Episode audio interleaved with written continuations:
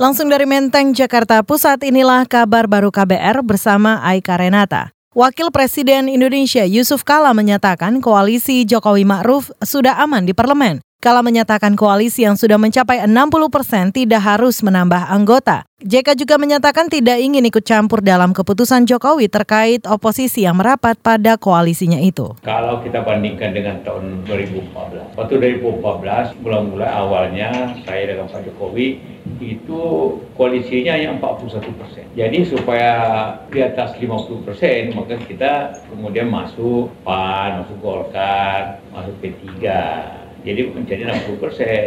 Sekarang koalisi yang mendukung Pak Jokowi dalam pemilu itu sudah 60 persen. Artinya bahwa sudah cukup untuk aman. Saudara, menurut JK dengan 60 persen koalisi di parlemen sudah cukup untuk menjalankan suatu pemerintahan yang sejalan. Bahkan ia yakin koalisi akan tetap mengkritik pemerintah melalui kadernya di DPR.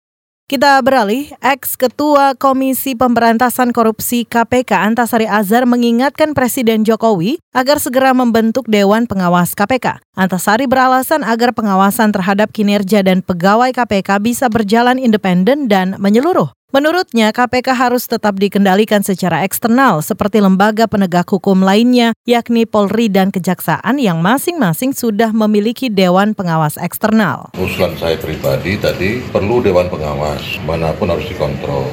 Apa? Kontrol kinerja.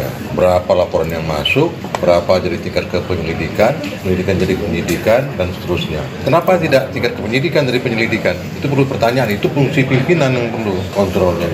Dewan Pengawas orangnya orangnya siapa aja Orang tidak punya kepentingan dengan perkara dia dari KPK. Saran pembentukan Dewan Pengawas KPK tersebut disampaikan Antasari lewat pansel calon pimpinan KPK bentukan Jokowi. Antasari menyatakan Dewan Pengawas KPK akan memperkuat pengawasan yang selama ini hanya dilakukan Dewan Etik dan Deputi Bidang Pengawasan Internal di KPK. Sebelumnya, Panitia Khusus Hak Angket KPK bentukan DPR pernah meminta Presiden Jokowi agar segera membentuk Dewan Pengawas KPK. Dewan Pengawas dinilai akan memperkuat kinerja Dewan Etik KPK serta menghindari temuan kesalahan prosedur yang dilakukan KPK terulang. Kita ke soal lain, Saudara Kepolisian mengklaim dua anggota yang mendaftar seleksi pimpinan KPK sudah direkomendasikan Kapolri. Juru bicara Mabes Polri, Dedi Prasetyo menyatakan keduanya sudah lolos tahap seleksi internal. Namun ia menolak menyebutkan nama anggota yang dimaksud. Perkap tentang 01 tahun 2015 tentang penugasan khusus bagi anggota Polri aktif itu harus melalui izin dari institusi ini. Kalau misalnya tidak mendapat izin dari institusi ini, nggak akan bisa dia. Kalau administrasi dia gugur, pasal pasti tidak akan menerima.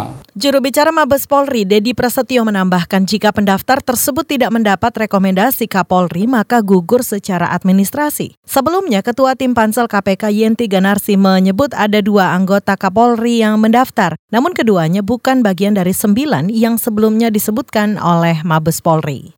Kita ke satu informasi lainnya, pemerintah Provinsi Jawa Tengah akan mempercepat pembangunan Jalan Lingkar Selatan-Selatan atau JLSS sepanjang lebih 46 kilometer. Gubernur Jawa Tengah Ganjar Pranowo menyatakan percepatan membutuhkan biaya lebih 2 triliun rupiah. Pekerjaan yang disiapkan dan lebih konkret, maka kita akan paparkan. Tim pendahulu kita sudah bicara dengan kementerian secara teknis dan sudah mendapatkan approval. Cuman ada beberapa yang sifatnya lebih strategis yang mesti dibicarakan saya Presiden. Dan itu ada beberapa pekerjaan umpama infrastruktur itu jalur selatan-selatan. Itu butuh sekitar 1,1 triliun untuk pembebasan dan 1,1 triliun untuk pembangunan. Contoh, ini ini mesti ada percepatan. Gubernur Jawa Tengah Ganjar Pranowo menyatakan percepatan pembangunan infrastruktur itu diharapkan bisa memicu pertumbuhan ekonomi di Jateng dari 5,3 persen menjadi 7 persen. Kata dia, bidang yang dipercepat itu sudah dibicarakan dengan kementerian terkait dan akan disampaikan kepada Presiden Joko Widodo.